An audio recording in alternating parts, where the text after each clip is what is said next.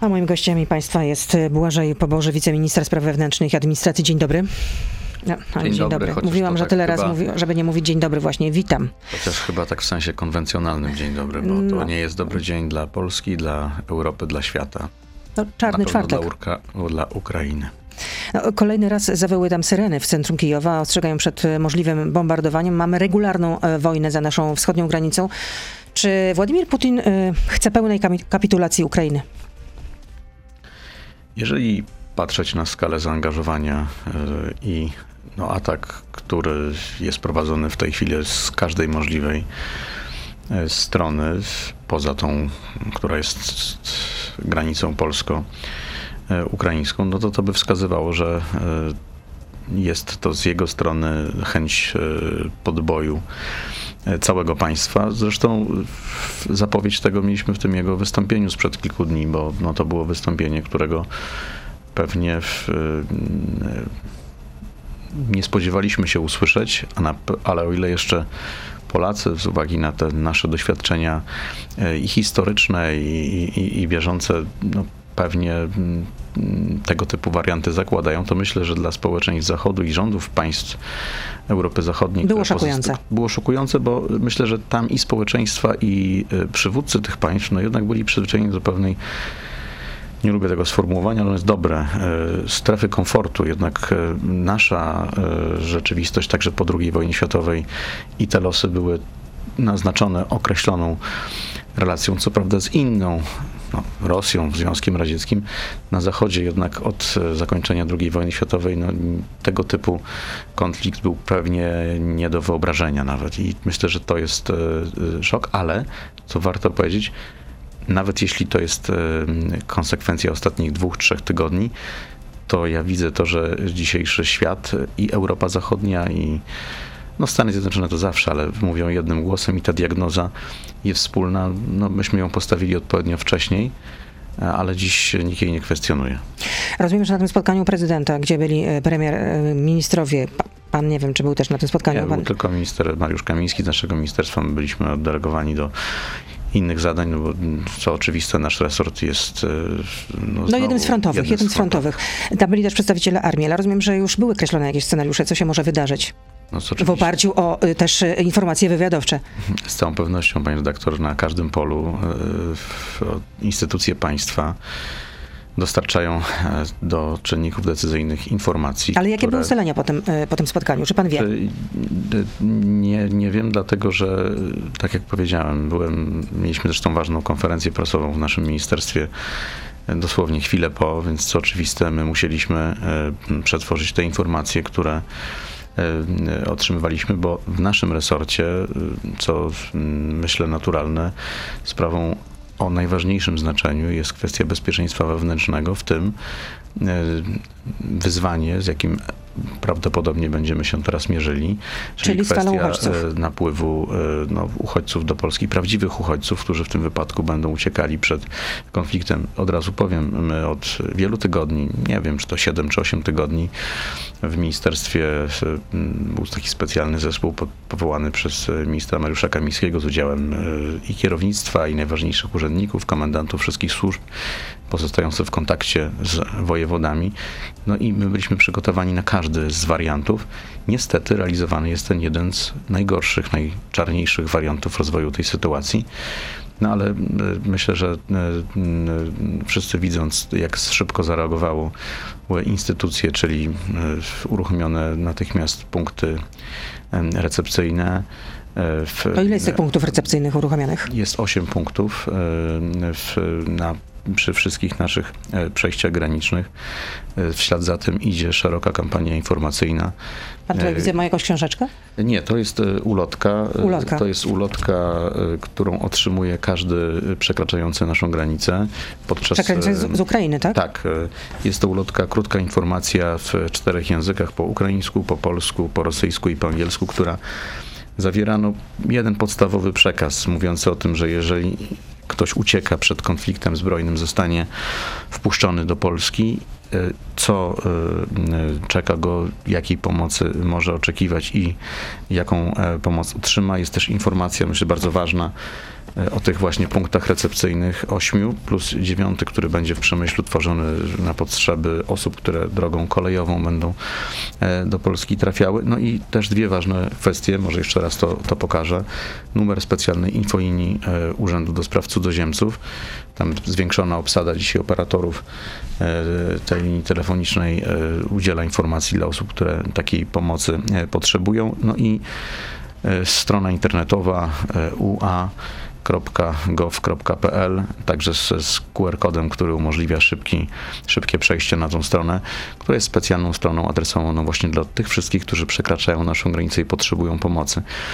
Bo te ośrodki recepcyjne są skierowane dla tych, którzy przekraczają z granicę, nie mają zaplanowanego miejsca docelowego, czytaj, nie mają E, rodziny lub e, no, miejsca, w którym Nie mają tutaj to... żadnego kontaktu po prostu, tak, natomiast, którym mogliby się posłużyć. Natomiast bardzo wielu w Polsce przebywa według oficjalnych danych myślę, że co najmniej półtora miliona A spodziewamy się co najmniej miliona uchodźców, tak? I nie, co innego chciałem powiedzieć, że te półtora miliona to są osoby, których być może rodziny będą chciały się do nich o pomoc zwrócić, czy przyjechać do Polski, no i one najczęściej po prostu się z nimi kontaktują, ale właśnie ponieważ ten konflikt, jego skala, e, przebieg no, może spowodować e, większą falę e, uchodźczą, no to właśnie ku temu przeznaczone są te ośrodki recepcyjne. To jest efekt wielu tygodni przygotowań wojewodów, służb podległych naszemu resortowi, naszego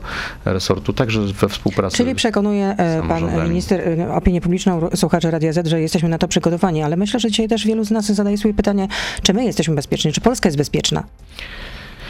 Istnieje podstawowa różnica e, między Polską a Ukrainą. Polska jest członkiem e, NATO. No i choćby z tego względu e, określone procedury tego sojuszu polityczno-militarnego po prostu są uruchamiane automatycznie, czyli pamiętajmy zawsze, że atak na którekolwiek z państw członków sojuszu stawia w stan wojny wszystkie państwa.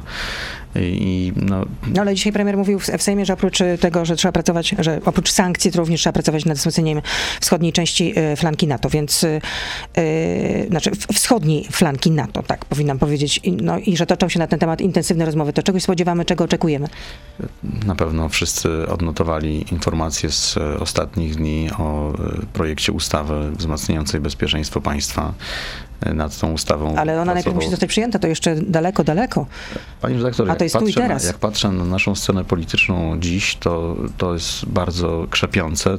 Mam poczucie, że wszyscy e, w tej sprawie mówimy jednym głosem. W związku z tym, jeśli chodzi nawet o proces legislacyjny, to jestem przekonany, że e, przejdzie błyskawicznie, ale niezależnie od tego, proszę zwrócić uwagę na to, co wydarzyło się w ostatnich e, tygodniach. Już teraz choćby zwiększona dwukrotnie obecność e, wojsk amerykańskich w Polsce jest nie tylko wyraźnym sygnałem, ale także konkretną, realną obecnością e, państw sojuszniczych, no, państwa, które jest największą gwarancją bezpieczeństwa we współczesnej e, Europie i świecie. Dodatkowo jeszcze w tym roku, być może w tej sytuacji szybciej, tego nie przesądzam, to raczej kompetencja Ministerstwa Obrony Narodowej, ale z całą pewnością mogę to powiedzieć, do Polski mają trafić przecież najnowocześniejsze, bo w najnowocześniejszej wersji czołgi Abrams, które wyraźnie ale, nasz potencjał zwiększą. Ale to też pieśń przyszłości, a to jest tu i teraz, ale, no, 24 rektor, lutego. Y, jednak przez te ostatnich sześć, trochę więcej lat E, coś się w Polsce zmieniło e, i nakłady na armię zostały zwiększone, nakłady na instytucje i formacje zapewniające bezpieczeństwo wewnętrzne, również dzięki chociażby ustawie o modernizacji służb mundurowych. Dobrze, przekonuje pan, rzeczy, że, jesteśmy, które... że jesteśmy bezpieczni, ale jeszcze powrócę do tego, czego, o, o co dopominała się dzisiaj też w Sejmie e, opozycja, o zakończenie sporów z Unią Europejską. Pani redaktor, myślę, że naprawdę w tej chwili y, Unia Europejska też y, widzi wiele spraw trochę inaczej i myślę, że nikt y, w najbliższych dniach nie myśli o niczym innym jak o bezpieczeństwie państw sojuszniczych, ale także o konieczności obrony integralności terytorialnej Ukrainy. Powiedział to, myślę, że to jest taki cytat, który przejdzie do do, do historii. E, Polska musi być bezpieczna, a Ukraina ocalona, jak powiedział prezes Jarosław Kaczyński, wicepremier do spraw bezpieczeństwa. Jestem przekonany, że tak jak te pamiętne słowa e, Lecha Kaczyńskiego, świętej pamięci prezydenta, który no, w tym sensie wyprzedzał trochę dużą część naszej klasy politycznej, mówiąc, jaka będzie kolejność e, tych rosyjskich agresji, i wszystko się potwierdza. Tak samo jestem przekonany, że i te słowa mają w tym wariancie absolutnie najważniejsze znaczenie. A jak są teraz scenariusze nasze, polskie, na te najbliższe godziny, najbliższe dni? E, mogę odpowiadać i tu chciałbym. Tylko za siebie. e, Za nasz, za swój resort. Za nasz resort. My mamy wyzwanie w postaci po pierwsze zapewnienia bezpieczeństwa wewnętrznego.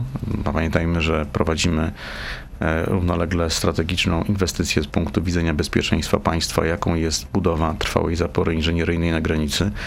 Musimy zwrócić uwagę na e, pewną zmienioną okoliczność w ostatnich dniach, polegającą na tym, że przecież na Białorusi w tej chwili stacjonują regularne e, oddziały e, rosyjskie. W związku z tym ta obecność Rosji także przy naszych granicach jest e, wyraźnie inna niż kilka miesięcy temu, bo już nie tylko od strony obwodu kaliningradzkiego, ale także właśnie na Białorusi, skąd notabene też prowadzona jest e, operacja wojskowa przeciw Ukrainie. E, No, ta obecność jest. W związku z tym na pewno wszystkie służby są postawione w stan najwyższej gotowości do zabezpieczenia państwa. No i ten drugi, e, to drugie ważne wyzwanie, z którym mierzy się nasz resort, czyli no, zapewnienie jak najlepszych warunków dla tych wszystkich naszych przyjaciół e, Ukraińców, którzy będą szukali w Polsce schronienia przed wojną, przed konfliktem, jako uchodźcy, którzy być może mogą do Polski trafić. Dlaczego mówię warunkowo być może? Bo widzimy coś, co jest też myślę, charakterystyczne dla polskiego społeczeństwa z całą pewnością, ale też jest wyraźnie widoczne teraz na Ukrainie, czyli bezwzględna chęć obrony swojej ojczyzny. E, wczoraj, a ciągle mm, no, też analizuję także te mm, badania opinii, zarówno z Polski przychodzącej, jak i z Ukrainy. Ledwie 3% Ukraińców w tym badaniu mówiło, że na wypadek konfliktu będzie chciało opuścić terytorium swojego państwa. To pokazuje, a widzimy to chociażby przez akcje szkoleniowe, dobrowolne e, szkolenia wojskowe, którym się poddają, zapisując się z własnej woli Ukraińcy, także osoby, które już dawno e, osiągnęły wiek emerytalny, nie mają wątpliwości. W związku z tym mam poczucie, że całe ukraińskie społeczeństwo jest skonsolidowane, zdeterminowane do obrony swojego państwa. Widać też, chociażby to też w osobie prezydenta mm, Żołańskiego, który no, naprawdę myślę, że pamiętamy, że był początkowo przez niektórych widziany jako polityk, No, mm, który tak, wchodzi. traktowany po macoszemu, wyśmiewany, że tak, dziś traktowany jako niewiarygodny, a a dorósł do swojej funkcji. A dziś e, jest no, prawdziwym mężem stanu i politykiem, który jak przemawia, to muszę powiedzieć, że ciarki po plecach idą jak e, naprawdę w poczuciu ogromnej odpowiedzialności. Jest on dziś e, rzeczywiście no, ojcem ukraińskiego narodu. Myślę całkowicie poważnie, że ta konsolidacja jest absolutnie niewyobrażalna i no, też i my, i też przyjmuję to naprawdę jako absolutnie dobre, dobre zjawisko. Mam też poczucie dużej konsolidacji i polskiego społeczeństwa, te gesty, te deklaracje wszelkiej pomocy. E, Widzimy to też po stronie wszystkich instytucji. Nie mówię już tylko o tych, które są podległe administracji e, centralnej, rządowej w rodzaju wojewodów, ale też i samorządowcy, którzy na te apele wychodzące od wojewodów Czyli wszystkie odpowiadają. ręce na pokład. Wszystkie Takie mam poczucie. Sytuacja jest naprawdę szczególna. E, Polska musi być bezpieczna, a Ukraina ocalona. Błażej Poboże, wiceminister spraw, zagra- e, wiceminister spraw wewnętrznych i administracji był z nami. Dziękuję dziękuję. bardzo. To był gość Radia Z. Słuchaj codziennie w Radio Z i na player radioz.pl.